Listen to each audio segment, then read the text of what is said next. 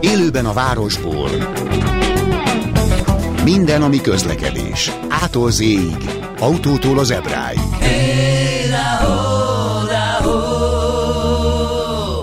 Nagyon nagy szeretettel köszöntöm a hallgatókat. A mikrofonnál Pető Attila sokan úgy ismernek, hogy a Kressz professzor, és van segítségem is, Fábián Alexa, aki majd segít felolvasni üzeneteket, illetve hát neki is lesznek kérdései a mai nagyon izgalmasnak tűnő műsorban, és előre elmondom, van egy nagyon kedves vendégem is, de mielőtt bemutatnám, jöjjön a kötelező rész. Először is lehet telefonálni ma hozzám, de arra kérem a hallgatókat, ne Kressz kérdéseket küldjenek, hiszen a mai adásban beharangoztam, múltkor repülni fogunk, tehát bárkinek repüléssel kapcsolatban felvetése, élménye, kérdése van, ö, ossza meg velünk. Méghozzá a Városi Budapesti 061 240 79 53-as telefonszámon, tehát még egyszer 240 79 53, illetve várunk üzeneteket is SMS-en, illetve Viberen keresztül a 0630 30 30 953-as számon, tehát még egyszer, ha kérhetem, ma ne kresszes kérdések kérdések legyenek, hanem repüléssel kapcsolatos kérdések, illetve ha valakinek mégis van kresszes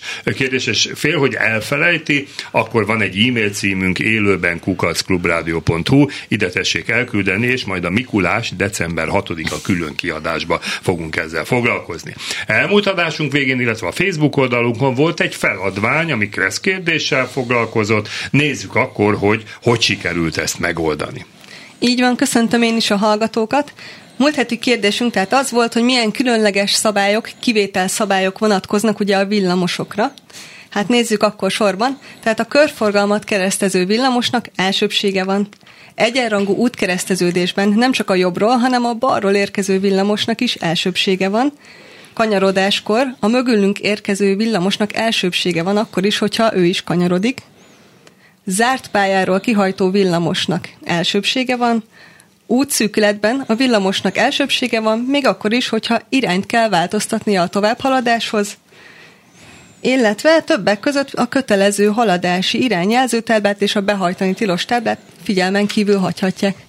Még felsorolni sem volt kevés, mégis van helyes megfejtőnk, ráadásul egy hölgy, ezt köszönhetünk ebben a, ebben a pozícióban, úgymond a nyertesünk Kőhalminé Kaszai Erzsébet, aki egy általam írt, és természetesen általam dedikált könyvet itt a Klubrádió recepciójába átvehet, külön gratulálok neki, ez a villamosos téma, ugye múltkori előadásunk fő vonala volt, és azért is tettük fel ezeket a kérdéseket. Azért megnyugtatásképpen hagyd mondjam el a kedves hallgatóknak, hogy a való valóságban ezek közül gyakorlatilag vidéki városokban a körforgalmat keresztező villamos külön elsőbségéről ö, találkozhatunk, a többi szabály ez inkább csak a kreszben benne van, de a valóságban nem. Na de hát a mai témánk az nem az autózás lesz, és hiába az a szignálunk, hogy ától zéig autótól az ebráig, én azért ezt hozzátenném, hogy földön, vizen, levegőben. Múlt héten ugye elváltunk a személyautóktól és villamosoztunk, annyit megsugok, hogy jövő héten hajózni fogunk, és ma repülünk. Hát a kedvencem a repülés, és hagy mutassam be kedvesebb vendégemet, Kránic Balást, aki hivatalosan az Aeropark Budapest egyik vezetője, de én Balást nagyon régről ismerem, szerintem szorong abba a székben, amiben ül, ugyanis megfordul a dolog, mert Balázsjal több mint tíz éve a Kossuth Rádió műsoraiban találkoztunk, csak éppen akkor ő volt a műsorvezető, én pedig ugye, aki válaszolgatott a kérdéseire, és ezt a szorongást most is látom rajta. Balázs, mesélj valamit, mi történt veled azóta? Szorongás annyira nincsen, de tényleg egyébként szokatlan ezen az oldalon ülni. Egy picit jó napot kívánok mindenkinek.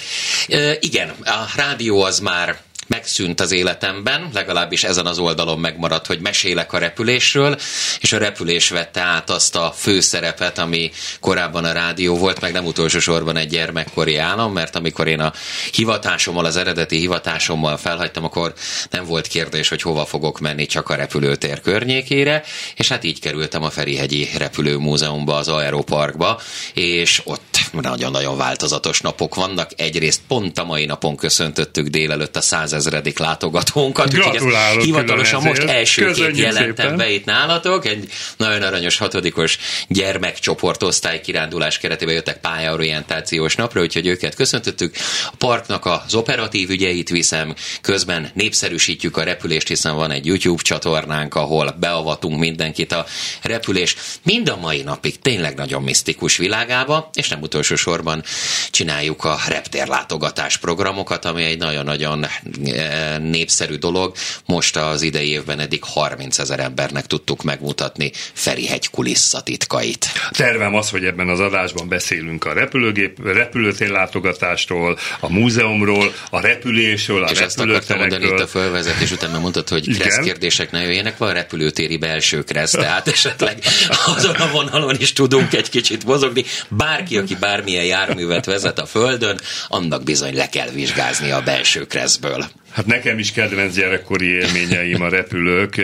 Budafokon voltam gyerek. Sajnos akkor még a Ferihegyi légi folyosón nem tartott arra, ma már azért elég sok gép száll föl. És ma már De- légi folyosó sincs. Igen, az is igaz, de Budaörsi reptér közel volt, és hát mindig néztük ezeket a csodákat. Sőt, én még emlékszem arra, óvodás koromban jött a repülés, elkezdtük mondani, hogy hajrá, repülő, hajrá, repülő. Sőt, ilyen Bece neve, névre is emlékszek, hogy Göbzi. Hogy a repülőt így hívtuk, hogy Göbzi, ez még úgy beugrott. Balázs, mesélj erről a, a repülőgép múzeumról, ez a misztikusan hangzik, hogy most egy, egy múzeum, ahol repülőgépek vannak valóságban? Ez így van, és most már több mint 30 éve, és a Légiközlekedési Kulturális Központ, amelyik üzemelteti ezt a múzeumot most 10 éve, hogy átvette az üzemeltetést, és próbáljuk tényleg igazán közel hozni mindenkihez. Egyrészt megmutatni a magyar repülés történetnek a múltját. Szerintem azt kevesen tudják, hogy az utasszállítás magyar viszonyok közepette idén kereken 100 évvel ezelőtt. Száz évvel 100 ezelőtt. évvel ezelőtt, 1923-ban, Milyen repülőgép volt, tudod? volt Fokker például, és ezek hidroplánok voltak, Aha. és hogy milyen különleges világ volt ez akkoriban, most gondoljunk bele, hogy 1923-ban nem kellett más tenni az utasnak, befáradni a Gellért szállónak a recepciójára, jegyet vett, lefáradt a rakpartra, és ott sorakoztak a hidroplánok, amelyekkel például 45-50 perc alatt a Balatonra lehetett eljutni. Tehát a Dunáról a szálltak Dunáról fel, szálltak fel, és a. Siófoki kikötőben szálltak le.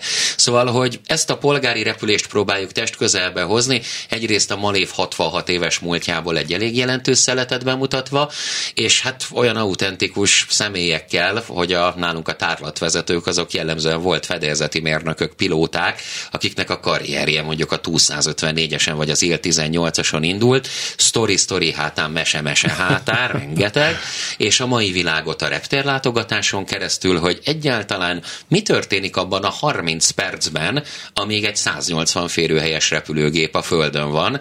Ez megint egy ilyen meglepetés faktor az utasok. 30 szám- perc. 30 perc alatt fordítják meg így vele ezeket a gépeket a légitársaságok, és olyan módon is próbáljuk ugye közelhozni ezt a világot, hogy bárki bele kóstolhat különféle típusoknak a vezetésébe, hiszen szimulátoraink is vannak. 30 perc, hát majdnem az jut eszembe, egy vonat nem fordul meg annyi idő Hát a vonat az nem szokott, de mondjuk egy diszkont légitársaságnak a Boeing 737-es akár 25 perc alatt is. Érdekes ez a történelem, Ferihegy, Budaörs, de talán sokan nem is tudják, hogy nem is itt volt az első repülőtér Budapesten, ugye? Sőt, Mátyás föld Igen, volt ugye hallottam. Mai az napig a egyik szántóföld első. megvan. Megvan, és egyébként modern repülőtérként használják, tehát lelkes modellezők ott kint vannak, és még azt is fontos hozzátenni, hogy Mátyás földnek is volt egy előzménye, mégpedig Rákos mező, ahol akkor indult meg az élet, amikor 1909-ben Blérió Magyarországra látogatott, és ő volt az, aki egy hatalmas lökést adott a- az akkori repüléssel kísérletező magyar szakembereknek. Te is a repülőmúzeumban, akkor ez ott van ugye Ferihegy mellett, Igen. azért én is láttam már, amikor mentem repülni. Hogy vitték oda a repülőket? Mindenki ezt kérdezi. Hát igen, ez, ez ez nagyon-nagyon sokan szokták kérdezni. A múzeumnak még ugye, amikor annak idején Skanzennek hívták, szerencsére voltak olyan lelkes, reptéri emberek, légitársasági emberek, műszakiak, amikor elkezdték az egyes típus kivonásokat a Malévnél, hogy azért jó lenne az utókornak Mhm. mm. megtartani egy 234-est, egy IL-18-ast, egy 254-est, és végül is így kezdődött el ott Akkor jó oda 30 gurultak éven. igazából Hát ugye akkor még. az az érdekesség, hogy a repülőmúzeum most már, ha jól számolom, háromszor költözött. Mert Aha, ahogy értem. terjeszkedett Picit a terminál az Igen. első múzeum az még a mai 2B terminálnak a Mhm. Elején volt, akkor egy picit lejjebb, és a mostani helyünket azt hatodik éve foglaltuk el, kicsit lejjebb ott a termináltól, a körforgalomhoz, és például, amikor az a költöztetés volt ott hat évvel ezelőtt, akkor nagyon sokan kérdezték, hogy hogy fognak ezek a gépek átjutni az út túloldalára.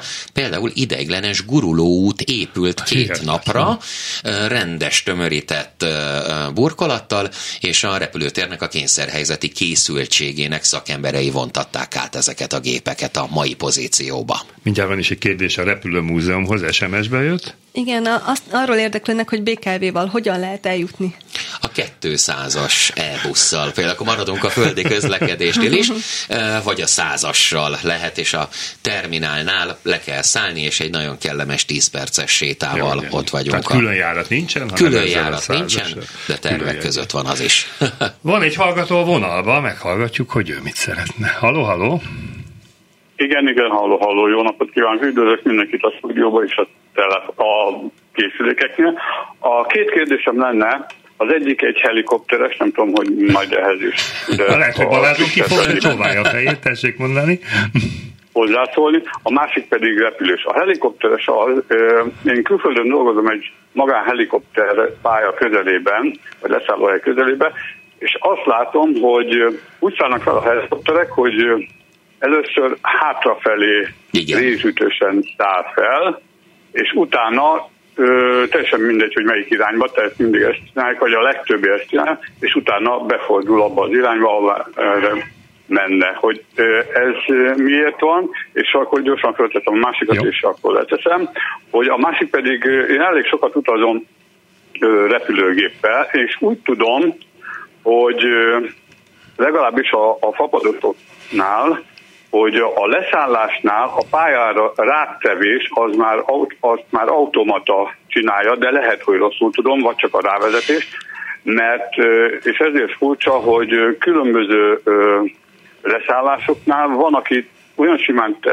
tudja letenni a gépet, hogy gyakorlatilag nem érezni, amikor, hogy mikor fog talajt a gép, a, mármint a kerekével Közkeletű és gyakran van, ismételt kérdések. Igen, van amelyiknél meg, meg, meg, hát mintha göröngyös lenne. Igen, igen, igen, igen. Jó, és akkor hallgatom, nem telefonon keresztül, jobban hallom. Jó. Köszönöm szépen. Köszönjük szépen a kérdéseket, Balázs. Nagyon izgalmas kérdés. Téma. Na, a helikoptereknél ez egy standard eljárás. Tehát például, mm. hogyha valaki megnézi a mentőszolgálatnak a helikoptereit, amelyek, amelyek szállnak föl, ugye viszonylag szűk helyeken van számukra a kijelölt leszállóhely, és ez egy standard eljárás, hogy igen, elkezdenek emelkedni, ahogy az úriember is mondta, egy picit így hátrafelé, és amikor már van egy biztonságos, megvan minden típusra a minimum magasság, ugye abból egy ilyen bólintás, Aha, jöttem, hiszen a helikopter egészen más fizika szerint működik, mint a, a, a, a repülőgép, és akkor abból kezdik el a kigyorsítást. De az alap standard eljárás az az, hogy ki kell emelkedni egy picit így hátrafelé, és, és annak megfelelően megfelelően szélirányba is fordulva adott esetben. Próbál. A másik kérdés,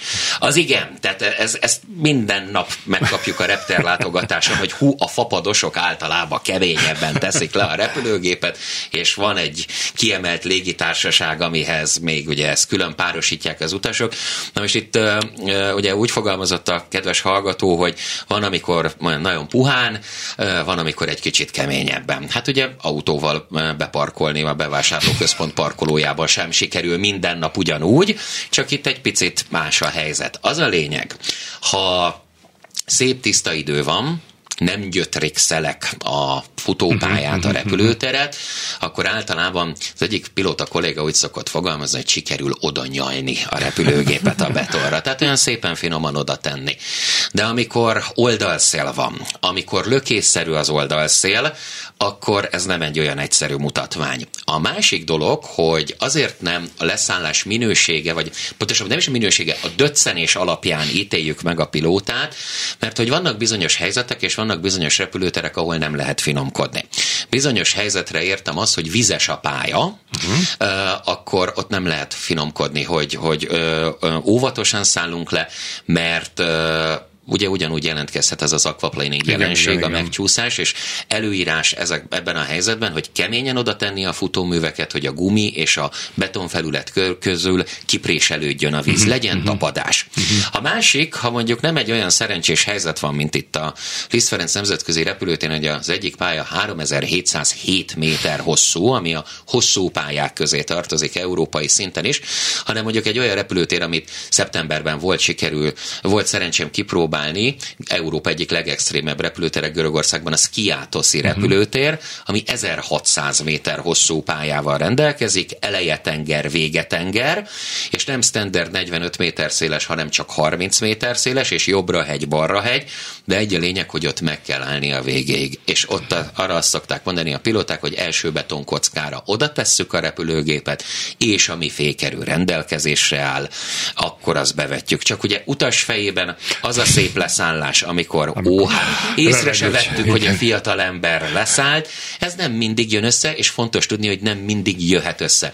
De olyan nincsen, hogy diszkont légitársaságot és Világos, hagyományos világos. légitársaságot ez alapján ö, ö, ítélünk meg. Vannak technikás repülőterek szerte Európában, ahol csak a keményebb földet jöhet számításba. Múltkor olvastam egyébként, nem tudom igaz hogy több kilogramm gumikopik le ilyenkor a kerekekről. Igen, tehát ha szép puha a földetérés, és uh, száraz a pálya, akkor mondjuk egy ilyen 180-200 férőhelyes repülőgépről egy a 40-60 deka gumi szokott leégni, mert a futóművek ugye nincsenek megforgatva leszállás előtt, és ahogy földet érnek, akkor egyből el kell érni a kerekeknek ezt a 240-260 km per óra körüli sebességet, és ilyenkor egy bizonyos gumimennyiség oda vulkanizálódik a pályára. Ha meg egy nagy gép jön, mint amilyen például egy 747-es mhm, Jumbo mhm, az égbolt mhm. királynője, maximális felszálló tömeg az 400 tonna fölött van, amikor leszáll, akkor természetesen ennél könnyebb a gép, de őnála egy keményebb oldalszeles földetérésnél ilyen 16-17 kg gumi is ott mhm, maradhat ám a mhm. betonon. Hihetetlen. Igen. Hihetetlen. Egészen más léptékekről beszélünk. Igen, hát egyébként az én kedvencem is a Jumbo Jet. Hát Néha el szoktam kapni, hogy Ferihegyről felszállnak, igen, hát imádom igen. És szerencsére nézni. most sok is jár. Igen, igen, nagyon tetszik, bár úgy tudom, ezek inkább ilyen kargógépek. Most már jobbán a kargó, de tényleg, hogy micsoda fantasztikus repülőgépről van szó, hogy mennyire korszakokon átívelő. 1969-ben gördült le a prototípusa, uh-huh. és az utolsó legyártott példány pedig tavaly karácsony előtt egy héttel el a gyárt van benne. És még szerencsére rengeteg repül. Ha már repülőgép típusok mondtad, hogy a múzeumban van egy IR 18-as. Kettő is. Kettő, Kettő is, is, nagyon jó. egy nagyon kedves emlékem fűződik ehhez. 1976-ban repültem először, anyukám jó voltából, remélem hallgatja a műsort, ezúttal is köszönöm neki. És ugye hát életünk első repülés előtt jöttek a családi jó tanácsok, mivel nagybátyám sokat repült, hogy gyerekek, ugye túl 154-esre gondolt, hátul van a hajtómű, Hajtó tessék előre mm. ülni, mert ott nincs akkor a zaj. Persze, mi tulekedtünk, előre kértünk helyet, kinézünk az ablakon, és két marha nagy propeller zúgott végig, úgyhogy ez volt az emlékem. Propelleres gépek vannak, lesznek? Vannak, lesznek, és van ezekkel kapcsolatban is némi tévhit. Ugye ma már a légcsavaros gépeknél nem azt kell gondolni, hogy csillagmotor lenne. Uh-huh. Van, mégpedig az a gyönyörű likettes, amit a Goldtimer alapítvány tart életben, és most már több mint húsz éve lehet vele sétarepülni, és azt a korszakot idézi meg, amikor a belföldi járatok közlekedtek Magyarországon. Azok a légcsavaros gépek, amik ma röpködnek, főleg regionális forgalomban, ezeket turbopropnak hívjuk, tehát uh-huh. légcsavaros és sugárhajtóműves, és nap mint nap találkozom én is azzal, hogy hát sokaknak a fejében az van, hogyha egy ilyen jön légitársaság gazdasági színekben, hogy az csak egy világháborús kiszuperált bombázó lesz, és nekem is van ismerősöm, aki telesírja az internetet, hogy úristen, kávédarálóval kell, na most fogunk meghalni. Na most az a helyzet, hogy ezek mind a mai napig gyártott típusok. Uh-huh. Rövid útvonalakon nagyon szeretik a légitársaságok, mert hogy még gazdaságosabban üzemeltethetőek, mint a klasszikus sugárhajtóműves gépek, és akik paráznak ettől, megnyugtatásukra mondom, hogy a jövő repülőgépei újra hasonlóan utak lesznek, légcsavarosok lesznek. Például a brazil Embraer, ami most Igen. jelen pillanatban a világ harmadik legnagyobb repülőgép gyártója, a Boeing és az Airbus után, konkrétan ilyen típusokkal kísérletezik, és nagyon érdekes megoldásokon gondolkodnak, hogy ugyanilyen légcsavaros gázturbinás, de mondjuk a törzsre elhelyezett. Uh-huh, Két uh-huh, hajtómű, uh-huh. kettő pedig a szárnyon. Múltkor láttam a tévében egy olyat, hogy hátrafele volt a Igen, a van, van olyan is toló légcsavarnak hívjuk. Illetve van egy technikai kérdésünk. Igen, egy kedves hallgatónk arról érdeklődik, hogy a repülőgépek hajtóműve miatt van a szárny előtt és nem alatta. De érdekes, igen. Ebből is voltak korszakok, ha úgy tetszik meg. Voltak bizonyos divat hullámok, ha lehet azt mondani. Ugye régen a, a, a légcsavaros gépek, meg a, a, a csillagmotoros gépek ott értelemszerűen a szárnyon voltak. Aztán akkor volt egy olyan időszak, amikor bejött ez a törzshajtóműves, mint a 254-es, a 234-es, ennek is megvolt az amerikai változatban a DC-9-es uh-huh, például. Sok ilyen volt, vagy például a, amikor már megjött a TriStar, hogy kettő a hajtómű alatt, kettő a szárny alatt, egy pedig hátul a függőleges vezérségbe. És azért van elől egy picit a hajtómű, mert ugye a szárnynak felületet kell biztosítani, hát ott működik az aerodinamika. Mhm, mhm. Az áramlás miatt nagyon-nagyon fontos, hogy a szárnynak a lehető legnagyobb része szabadon legyen, és ha már szárny, ugye a másik kérdés szokott lenni, hogy miért van fölhajlítva a repülőgépnek a szárnyvége, azért, mert a repülőgép tervezők egy jó nagyot loptak a természettől ugye nézték, ahogy a kiterjesztett szárnyal vitorlázó, uh-huh. ragadozó madarak fölfelé hajlítják a szárnyaik végét, nem véletlenül, ezzel nagyobb felületet lehet munkára fogni, nincs akkora leválás a szárnyvégen, illetve ami a szárnyvégén keletkezik, ezt úgy hívjuk, hogy vortex, egy örvénysor, uh-huh. az csökkenthető ezáltal. A természetben működik, a nagy madaraknál, a vasmadaraknál is működik. Valaki egyszer azt mondta, hogy ez egy kicsit hangtompító is, hogy halkabb ettől.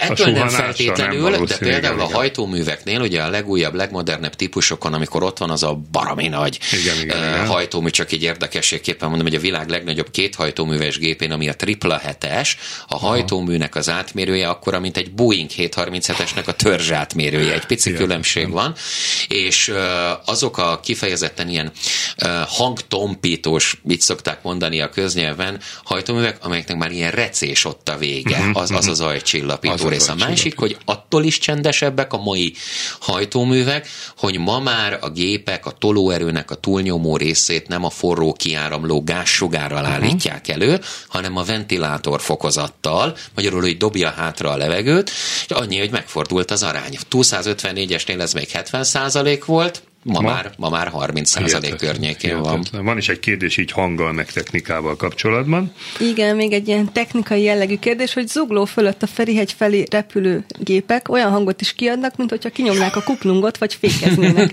hogy ez mi, mert régen nem hallott ilyet a hallgató. Uh, igen, többféle, ha, ugye nem mindegy, hogy honnan hallgatunk egy adott repülőgépet.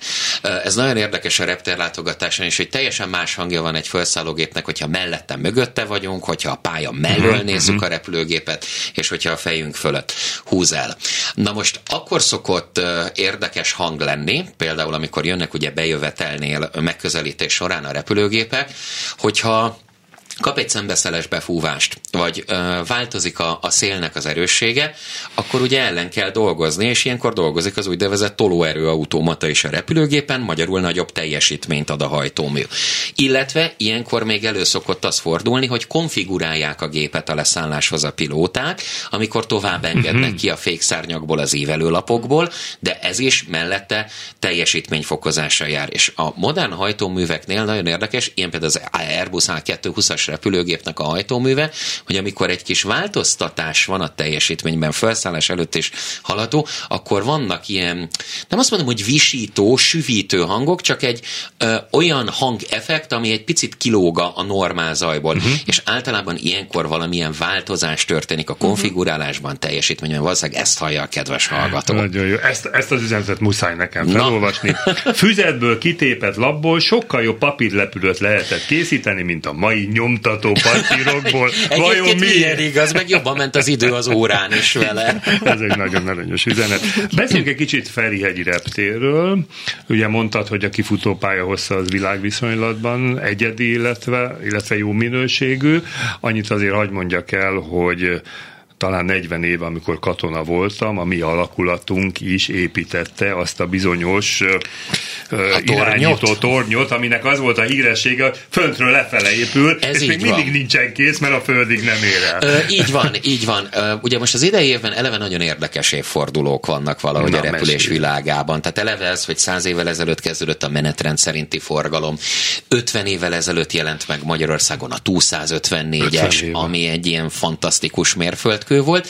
És igen, 40 éves az a jellegzetes Ferihegyi irányító torony, mert hogy akkor zajlottak azok a hatalmas bővítések, hogy elnyerte a repülőtér a mai területét. 15 négyzetkilométer lett, és lett ugye a kettes pálya, lett a kettes terminál, uh-huh. ami egy hihetetlen nyugatra nyitás volt ott igen, a 80-as igen, évek első felében közepén, és miután duplájára nőtt a repternek a területe, emiatt kellett az új irányító torony is, mert a régi egyes terminálos toronyból nem láttak semmit a, az irányítók a kettes pályából. És így van, ahogy mondod, Nieder Iván tervei alapján készült az a én szépnek tartom azt a tornyot, sokan úgy vannak vele, hogy hát jó, jó, de funkcionális, az kétségtelen, de valóban így volt, hogy először ezeket a lábait húzták uh-huh, fel, a uh-huh. pilonokat egy csúszózsalus megoldással, és föntről lefelé kezdték el az emeleteket bepakolni, kezdetben hármat, és utána még kettővel bővítették a 2000-es uh-huh. években lefelé. És még azt hiszem három, három emeletnek lenne hely. Ha, ha, ha szükséges, így van. De valószínűleg nem, nem lesz és rá szükség. egy tetején megvan még az a kis irányító Természetesen Természetesen. De már hiszen, nem használják, gondolom. most már ilyen funkciója nincsen, és hát mindig szokták kérdezni, hogy 73 évvel ezelőtt, amikor átadták a repülőteret 1950-ben, akkor miért, az akkor biztos nem volt nagy forgalom, valóban nem volt nagy forgalom, de hogy akkor miért kellett két torony hozzá, mert az egyes terminálnak a tervezője, ifjabb Dávid Károly, aki a Népstadiont is, a régi uh-huh, Népstadiont uh-huh. is ter- tervezte, ő egy repülőgép formájú terminál épületet álmodott oh, meg, felülnézetből. És ugye így jön ki a sziluett, mert a tornyok jelképez képezik a hajtóműveket, a motort. Nagyon jó, nem is gondolná az ember. Na most aztán mi van a vecsésiekkel, meg délpestiekkel? Most hogy állunk ezzel a témával? Ö, ugye a repülőtér hosszú-hosszú évek óta, hogyha most az ajra vagy hát kíváncsi, igen, meg minden igen, egyéb dologra. folyamatosan zajlanak ezek a zajszigetelési programok, mm, most mm. az idei évben is nem olyan régen volt ezzel kapcsolatos sajtóközlemény. A másik, hogy Érdekes ez az ajkérdés, mert hogy a mai repülőgépek összehasonlíthatatlanul csendesebbek, mint a régi 254-es, meg a 234-es. És az is egy érdekes dolog, hogy mekkora utas létszámot, hány járattal, ugye nőtt a gépeknek a, a befogadó képessége, teljesítenek a légitársaságok. Tehát, hogyha összevetnénk ezeket a statisztikai adatokat, hogy régen hány gép mozgásra jutott X utas, ma hogy néz ki, elbillenne a mérleg, vagy kevesebb gépmozgással sokkal több utas lehet elvinni. Én úgy vagyok vele, de ez az én mániám, hogy legboldogabb lennék, hogyha lenne egy kertem a final alatt, a végső egyenes alatt. Igen, de hogy így akkor nem csak napközben, hanem a munkaidőn kívül is. De hát így is ezt csinálom, hogy munkaidőn kívül is a gépeket Nagyon nézem. Jó. Alexának van egy érdekes kérdés no. ezzel a témával kapcsolatban. Igen, igen, mert hát mondtad is, hogy kevesebb gép is már biztosítani tudnán, de hogy azért eléggé zsúfoltak így a, légi útvonalak, én azért azt veszem észre, hogy és az itt lakóknak kell mondjuk a zajterhelésen túl valamilyen káros hatással számolni, mint például egy zsúfolt stráda mellett élőnek a kipufogó gázok káros hatásaival ezért számolni kell. Arra vonatkozik a kérdés, hogy a gépek kiengedik-e a kerozint hát, leszállás előtt? Vagy bármi olyat, ami esetleg. Mert ez szokott ilyen bújtatottan Persze, benne hát. lenni mögötte. igen, igen. Ja, hogyha valaki konkrétan mindig megkérdezi tőlünk, hogy a, a gépek kiengedik-e az üzemanyagot a leszállás előtt, akkor én mindig azzal szoktam visszatüzelni a kérdést, kérdezőhöz, hogy bizonyára te is kiengeded az autóból az utolsó előtti utcában, amikor hazaérkezel. Tehát sokkal drágább lenne a repülésnek a műfaja, mint a, hogyha ha tényleg így történne, hogy kiengedik az üzemanyagot, ez közkeletű tévhit, egy csomó gép, tehát ezek a keskeny törzsű repülőgépek, a 180-200 férések nem is tudják kidobni az üzemanyagot. Nincs rajtuk olyan szelep, ami el tudná engedni az üzemanyagot. Természetesen égés termék ugye van, ahogy a uh-huh. hajtóműből kiáramló gázsugár ö, ö, ö, elhagyja a hajtóművet, de ö, ez, ez összességében véve ö, nem, nem durvább, mint uh-huh. mondjuk egy belvárosi hadsávos út mellett egy csomó pontban a harmadik emeleten lakni, sőt, Akkor ahhoz ez képest. Igen, és akkor ha már itt tartunk, csak hogy tényleg uh, hol tart a világ. Ugye említettem ezt a 254-es témakört, Igen. és ez, ez tényleg egy csodálatos repülőgép volt a maga korában. De akkor még a hajtómű technika sehol nem volt a maihoz képest. Egy 254-es egy óra repüléssel elfogyasztott annak idején 6-7 esetenként 8 tonna kerozint. A mai gépek úgy, hogy két hajtóművel, úgy, hogy jóval több utast visznek. Száz utassal többet visznek a fedélzeten, mint a 254-es. El vannak kevesebb, mint kettő tonnával. Még ez is soknak tűnik, de ha már akkor itt tartunk, van például egy olyan mutatónk a, a világ egyik legzöldebb repülőgép típusára, ez az Airbus A220-as, amelyik, hogyha fönt van utazó magasságom, 10.000 méteren, és egy kicsit fordítok, hogy kézzelfoghatóbb legyen a mutatón, ha egy utasra és 100 kilométerre vetítjük le a fogyasztását, 1,8-1,9 literre jön ki a fogyasztása. Szerintem bármelyikünknek az autóját Az úgy elég rendesen kenterbe tudja. Jó, más léptékről van szó, de az arányok azok nagyon beszédesek. Van egy hallgató a vonalban. Haló, haló. Tiszteletem, jó alapot kívánok, én Antal János vagyok. Közben a műsornak a haladása téma, és pont arra fele ö, fordultam én, miért én telefonálni szerettem volna, hogy nagyon szép dolog, meg nagyon jó dolog a, a, a repülés, a repülőtér, csak ne kelljen Budapest déli részén lakni hozzá. Én, tört, én történetesen Budafokon lakom, de ugyanúgy ezért zuglóba járok dolgozni, zuglóban is időnként a, a pilóta orszörét meg lehet számolni jóformán, hogy olyan alacsonyan jönnek, és akármilyen szépen is ö, ö, fogyaszt, meg, meg gazdaságos minden, a, iszonyatosan zavaró tud lenni a repülőgépek hangja, és ez már nem csak, nem csak napközben, hanem lassan már éjszaka is érvényes hajnali, hajnali hat előtt is most már, éjfél után és hajnali hat előtt is most már ö, tapasztalható, és mondom Budafokon, tehát még csak nem is az, hogy becsésen, ahol, ahol a, mm, nem egy hír közölte, Aha. hogy a, a, a, a mm, házak tetéről cserét elmozdul, és erre, amit itt említve volt, hogy a hangszigetelés, amit fizetnek, hát a fene megette azt, hogyha azért kell valakinek a házában három üveg, három rétegű mm, nemesgázzal töltött ablakokkal, meg ilyenekkel felszerelni a házat, hogy üljön a pincében, hogy tudjon esetleg kicsit pihenni. Igen, igen. Szóval az igazi, az igazi bajom ezzel az, hogy nagyon szép, nagyon jó dolog a, a Ferihegyi repülőtér, amit még most ráadásul fejlesztenek is, de, de meg lehet, de meg lehet mm, vadulni. Nagyon kell vigyázni, ne használják csúnya kifejezéseket, mert az eszembe jut ilyenkor. Aha. És még valami, van a, a Facebookon van egy csoport, tehát a Facebook csoportból van sokféle, van egy olyan közösség a csendesebb dél-budapesti Mhm. légtérért. Ez a neve. Mondjuk zárt csoport, de bárkit fölvesznek, Megoldást ők sem fognak találni, mert ebben a mai világban ennél, ennél égető problémákra se lesz kormányzati, vagy bármi Jó. más haladás. De legalább, ott- de legalább ott ki tudják panaszkodni maguk. Ki tudjuk panaszkodni maguk. Nagyon szépen köszönjük az észrevételt. Hát ugye nem egyedi probléma, egy Igen, nagyváros igen. az minimum egy repülőtérrel jár, de hát tudunk olyan légikikötő, vagy olyan városokat mondani, ahol három-négy repülőtér is működik de van olyan, folyamatosan. 100 kilométerre van a repülőtér, Van, ahol, meg az a baj. akkor meg az a baj, igen, tehát hogyha a fél Dunántúlt vagy a fél Alföldet át kell autózni, nem könnyű. A másik probléma, hogy óhatatlanul a városok is terjeszkednek. És ugye vannak olyan légikikötők szerte a világon, ilyen például a São Paulói Kongonyász repülőtér, uh-huh. amit a saját városa folytott meg.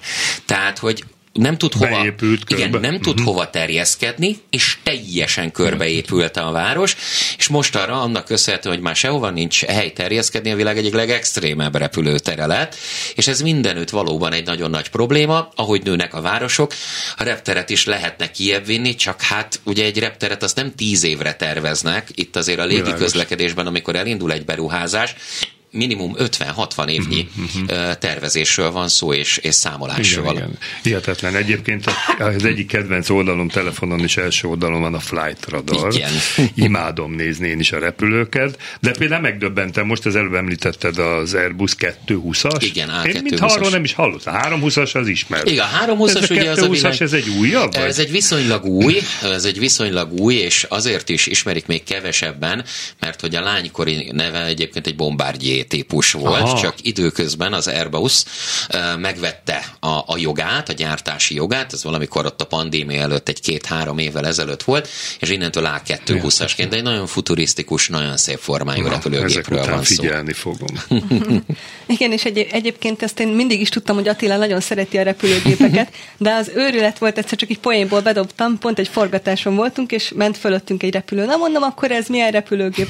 És egy kapásból rávágta, hogy milyen típus, aztán pedig én alkalmazáson meg is mutatta, hogy hát valójában az. Tehát létezik ilyen alkalmazás, hogy bárki meg tudja nézni, hogy éppen milyen gép száll fölött. Ez így van, sőt, nem csak megnézni lehet, hanem például lehet hallgatni. Ma már nyíltá vált a pilóták és nem a légi forgalmi irányítóknak a kommunikációja. Tudás, hát, ez sőt, nem is ugye nem feltétlenül angol, mert az egy nagyon érdekes dolog, hogy ha valaki hallgatja ezt a kommunikációt, akkor sőt, sokan posztolják is az interneten, hogy úristen, milyen rosszul beszélnek ezek angolul, azért, mert a valóságban ez a, a, a kommunikáció az nem más, mint egy angolra épülő speciális rádiófónia, tehát sok minden van benne, nyelvtani szabályok nem feltétlenül, de ki kell hallani a dolgokat. Igen, tehát, hogy ma már több olyan alkalmazás van, ami a pillanatnyi forgalmat megmutatja, az ember rá tud keresni a, a kedvenc repülőgépére, és mellé egy másik alkalmazásban lehet hallgatni a különféle És tudja nézni, hogy minden rendben a kedves rokonával, aki így éppen van, repül így valahova. Pontosan, pontosan.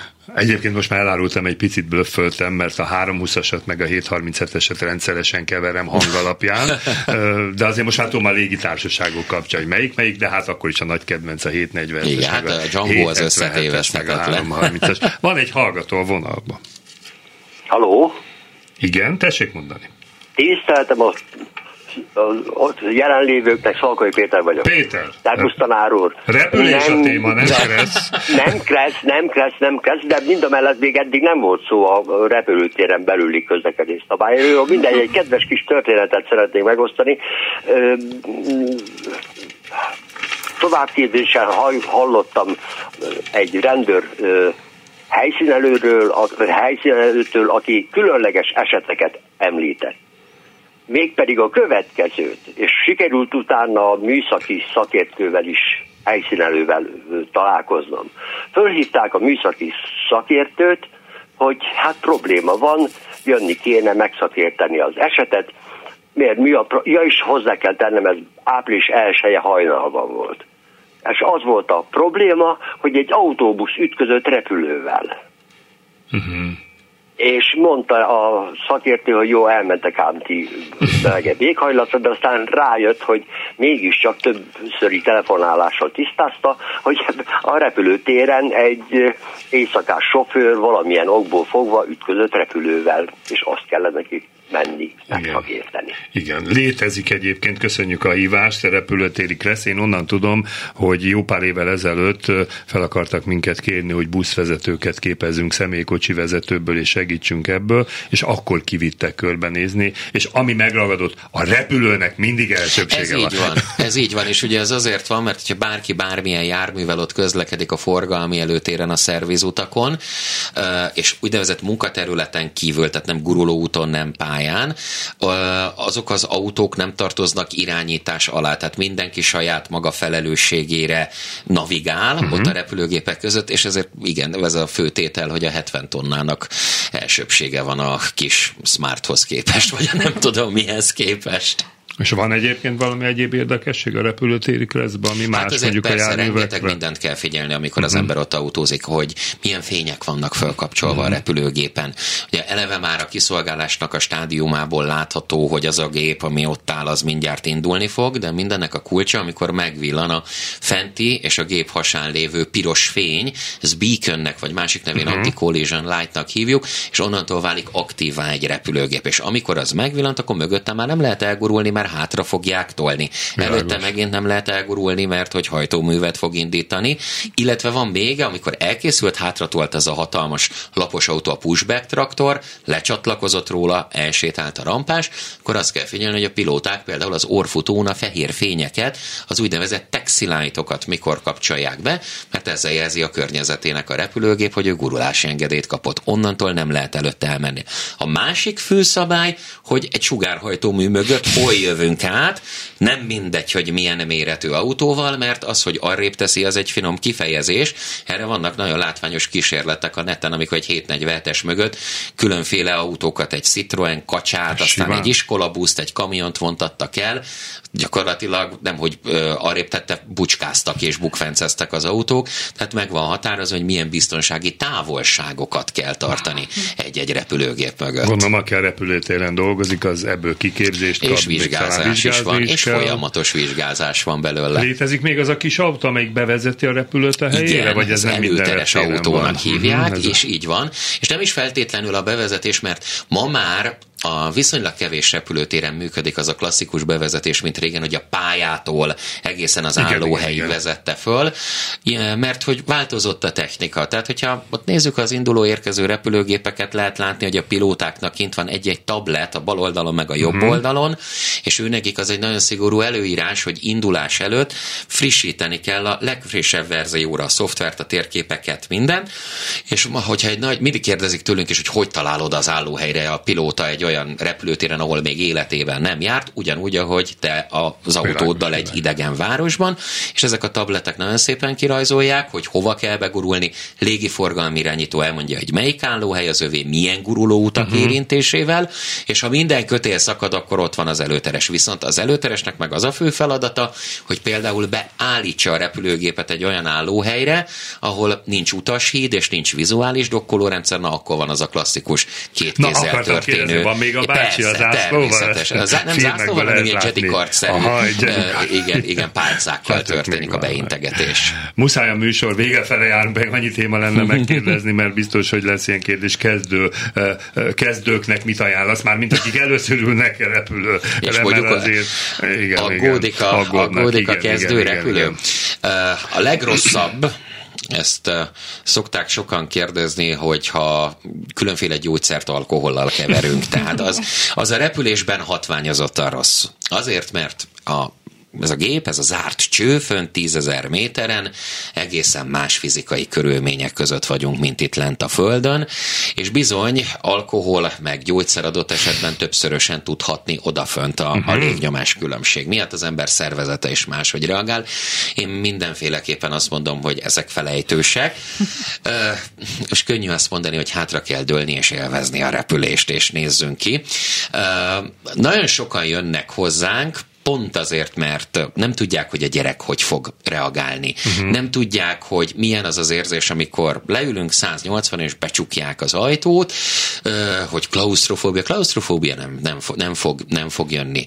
A magasság iszony sem jön ki igazából egy ekkora repülőgépen, mert nem érzed, hogy mi a, a, a helyzet nem szabad, nem szabad túlparázni a dolgot. Egy nagyon jó élményben lesz része mindenkinek, persze az első felszállás furcsa meg, amikor elszakadunk meg, hogy, hogy az ember, mint hogyha valami labdán egyensúlyozna, az az érzése van, és hogy Jézusom, még meddig emelkedünk, hol van a talaj, és még sehol nem vagyunk. Persze ez egy furcsa, de egy pillanat alatt át tud kattani az embernek az agya, és élvezni fogja. Pláne a naplementében, vagy napkeltekor történik, olyan gyönyörű élmény. Alexa itt mosolyog mellettem, elárulom, ő életében most repült először ebben az Jó évben. volt? Jó volt. Így van, hát egy kicsit túl is stresszeltem a dolgot. Na, ez a baj, ez a baj. Így van. És igen, egy dolgot kérek szépen, hogy ne olvassunk kommenteket, meg ilyen. Tehát az, az nem segít, az nem segít.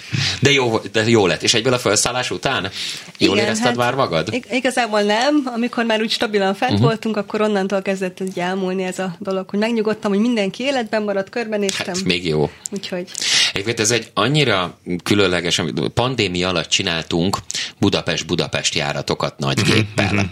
nagy 180 férőhelyes utasszállítóval, igen, ilyen 60 perces sétarepülések voltak, Balaton néztünk, Budapestet néztünk, minden, és nagyon sokan kihasználták ezt a lehetőséget akkor, hogy tényleg kipróbálják, hogy ha majd újra lehet a pandémia után utazni, de eddig még nem volt bátorságuk, hogy milyen. És például egy 180 férőhelyes gépen teltháznál az utasoknak a 40-50 százaléka biztos, hogy ilyen első repülő volt. És azért látszott rajtuk, hogy picit meg vannak ijedve, meg nem igazán tudják, hogy hogyan helyezkedjenek, mi is törekedtünk rá, hogy sokkal több információt adtunk, hogy ebben a pillanatban mi történik, mit érdemes nézni a szárnyon, mi ez a hang, és olyan széles vigyorral szálltak le azok is, akik a legjobban meg voltak riadva, hogy öröm volt nézni. Az egyik ilyen első repülőm, a legkülönlegesebben 85 éves nagyi volt, akit a család fölrakott, úgyhogy, De és nagyon Egyébként élvezte. van olyan, aki annyira pánikba esik fönt, hogy nem lehet vele mit kezdeni? Hát erre vannak ott a légiutas kísérők, hogy kezeljék az ilyen szituációkat és nem, azért ez, ez viszonylag ritka szokott lenni. A másik, hogy a légiutas kísérő az nem egy csőpincér. Tehát nem azért van ott a repülőgépen, hogy felszállás után csak a kávéval, igen, csak igen. A, az italokkal foglalkozzon. Ők beszállásnál már idézőjelbe téve szondázzák az utast. Uh-huh. Egyrészt keresik azt, hogy ki jöhet számításba, hogyha bármi balhé van, segítséget nyújtson neki. Ki, ki az, akit be lehet ültetni a vészkiárati sorba, hogy vállalja, hogyha kell, akkor nyitja a szárny fölötti vészkijáratokat. Harmadrészt nézik, hogy ki milyen állapotban száll a repülőgépre. És hogyha valaki úgy esik be az utashídból a konyhába, akkor ott borítékolható, hogy már valamit fogyasztott előtte, és ilyenkor eldöntik, hogy viszik, vagy nem viszik. Uh-huh. Köszönjük. Van egy hallgató a vonalban még. Halló, halló, tessék, tessék mondani. Igen, vagyok, sziasztok, Zinger Viktor vagyok. Uh, szeretem az ilyen műsorokat, és most azért telefonáltam, mert minden egyes műsorban csak azok telefonálnak, akik megörülnek a repülők a hangjától, Igen. és hogy zavarja őket. Én imádom, és azt szeretem, mert én a, a 13-as jobb pályának a fájmenő lakom. úgyhogy fölöttem ilyen 2700-800 lábon mennek a, a, a vasak, és ha ilyen irány van, akkor, akkor állandóan ott ülök kint a teraszon, főleg, hogyha jönnek a nagyvasak, tehát, hogy tudom én, Zuluban fél egy körül jön az Emirates, aztán utána jönnek a, a igen, igen. Katarnak a, a kargógépei. igen. Igen, úgyhogy azért van ilyen is, aki, aki tehát vagyunk sokan. Mi is ilyenek vagyunk Balázsral, úgyhogy köszönjük szépen, ezt már említettük. Nagyon a végére vegyünk a műsorra, pedig egy fontos témát még szerettem volna mondani, hiszen Balázs, mint magánember is itt van, és én nagyon szeretek így az emberekbe turkálni egy kicsit, és láttam egy, egy bejegyzést, ahol farkasokkal vagy együtt. Farkasokkal táncoltam. Igen, igen, mesélj Igen, én nekem az életem az mindig is olyan volt, hogy jött egy lövés, és arra nagyon-nagyon rá tudok pörögni. Uh-huh. És annak idején még, hát még ez bőven a rádiós újságírós időszakomban volt, pont riportok kapcsán Veresegyházon a Medve otthonban. Szilágyi István jó barátom, aki ugye sok mindennel foglalkozik így állatfronton, akkor nagyon-nagyon aktívan foglalkozott a, a Magyarországi Farkas programmal, meg a Kézbarát Imprint programmal, és egyszer csak így bedobta ott sétálgat, hogy nem akarsz bejönni a farkasok közé? És mondtam, hogy de, mindig is bevállalós voltam, ez meg egy ilyen lehetőség volt, csak élhet vele az ember, és bevitt és az a négy-öt perc, amíg ott a falka eldöntötte, hogy bent maradhatok és megtűrnek, az az, az az én életemben egy hihetetlen változást hozott, és amíg velük ott önkéntesként dolgoztam, hát nem tudom, egy jó négy-öt évet, valami fantasztikus dolog volt, hogy az ember mennyit tanult a természetről, a természet tiszteletéről testközelben, és úgy, hogy tényleg egy alfa farkasnak kellett eldöntenie, hogy maradásod van, vagy nincs maradásod. Igen, így az állatok kapcsán ugye sokan így házi kedvencet kutyát uh-huh. szeretnének akár repülőn is szállítani, és akkor ott tényleg a raktérben tök hidegben utaznak, mennyire Nem utaznak tök hidegben, hiszen szállítani. ilyenkor a személyzet természetesen tud róla, hogy élő állatszállítás uh-huh. van, azt is tudják, hogy mondjuk az előső vagy a hátsó raktérbe tették, erről külön értesítik a pilótát, és ott külön temperálják, tehát oh, külön oh, hőmérséklet van. És az, hogy kutya macska szállítás, ez teljesen standard, csak uh-huh. két érdek érdekes dolgot hadd mondjak arról, hogy mit tud ma a légi közlekedés világa. Egyrészt a világ leggyakrabban szállított állatfaja, vagy fajtája az a díszhal. Tehát, hogy abból iszonyat mennyi. De, de, ez, mert hogy fogyó áru az akváriumokból és exotikum miatt. A másik, hogy korábban is volt itt Budapesten olyan, hogy bocis járat. 60-80 tehénnel indult el egy-egy gép, de a legnagyobb dobás az egy luxemburgi székhelyű kargó légitársaság 2017-ben vagy 18-ban megcsinálták a világ első bálna szállítását. Két belugát vittek el Kínából Izlandra, és úgy, hogy az állatok mind a mai napig élnek, virulnak, jeladóval vannak ellátva. Azután kellett ezt a mutatványt megcsinálni, ismét a Jambóra hivatkozok, egy Jambóval, hogy Kínában bezártak egy ilyen akváriumot, és bedobták, hogy van valaki, aki elvinne két belugát, és a Carbox bevállalta. Fantasztikus mérnöki kihívással. Közben érkezett egy üzenet, köszönöm Kránisz Balázsnak a reptéri videoblogot. Én ugyancsak a Földön dolgozom a Frankfurti reptéren, de mindig örömmel nézem az új részeket. Én is csatlakozom csatlakozom ehhez. Köszönöm nagyon szépen. köszönöm a videót, nagyon köszönöm a mai beszélgetést, egy, egy élményszámba ment. Alexa, nem kaptál kedvet? Múltkor villamosos témánkat megkérdeztem, hogy villamost vezetni. Gyorsan Most egy a repülőt vezetni, vagy repülőoktatónak lenni. Hát nem, szerintem maradok az utas oldalon, az olyan szimpatikus, kényelmes. Jobb az az személyautóval lenni. Most már Én lesz. szerintem olyan ez a téma, hogy találkozunk még Balázs. Boldogan Én úgy gondolom, jövök, hogy, hogy muszáj eljönnöd, mert egyszerűen a repülés kimeríthetetlen. Én is nagy rajongó vagyok, te is. Ugye mi szeretjük a hangot. Igen. Lehet, ha persze ott laknék, és nem tudnék aludni. Nem szeretnék, ez megint más kérdés, de még egyszer ez egy nagyon hálás téma volt. Jövő héten nem leszünk élőben, előre felvett adás lesz, annyit elárulok a hajózásról, sajnos akkor nem lehet majd telefonálni, nem lehet üzenetet küldeni, egy nagyon messzi világba megyek, és, és majd fogok beszámolni az ottani közlekedésről, majd tervezem a karácsonyi különkiadásba. Így most rejtvényt sem fogunk feladni, hiszen most nem tudnának válaszolni, de jövünk, itt leszünk jövő héten, és két hét múlva pedig ismét élőben találkozunk. Nagyon köszönöm a segítséget vendégen, vendégünknek, a technikai személyzetnek, és mindenkinek nagyon szép napot kívánok a viszontlátásra, viszonthallásra.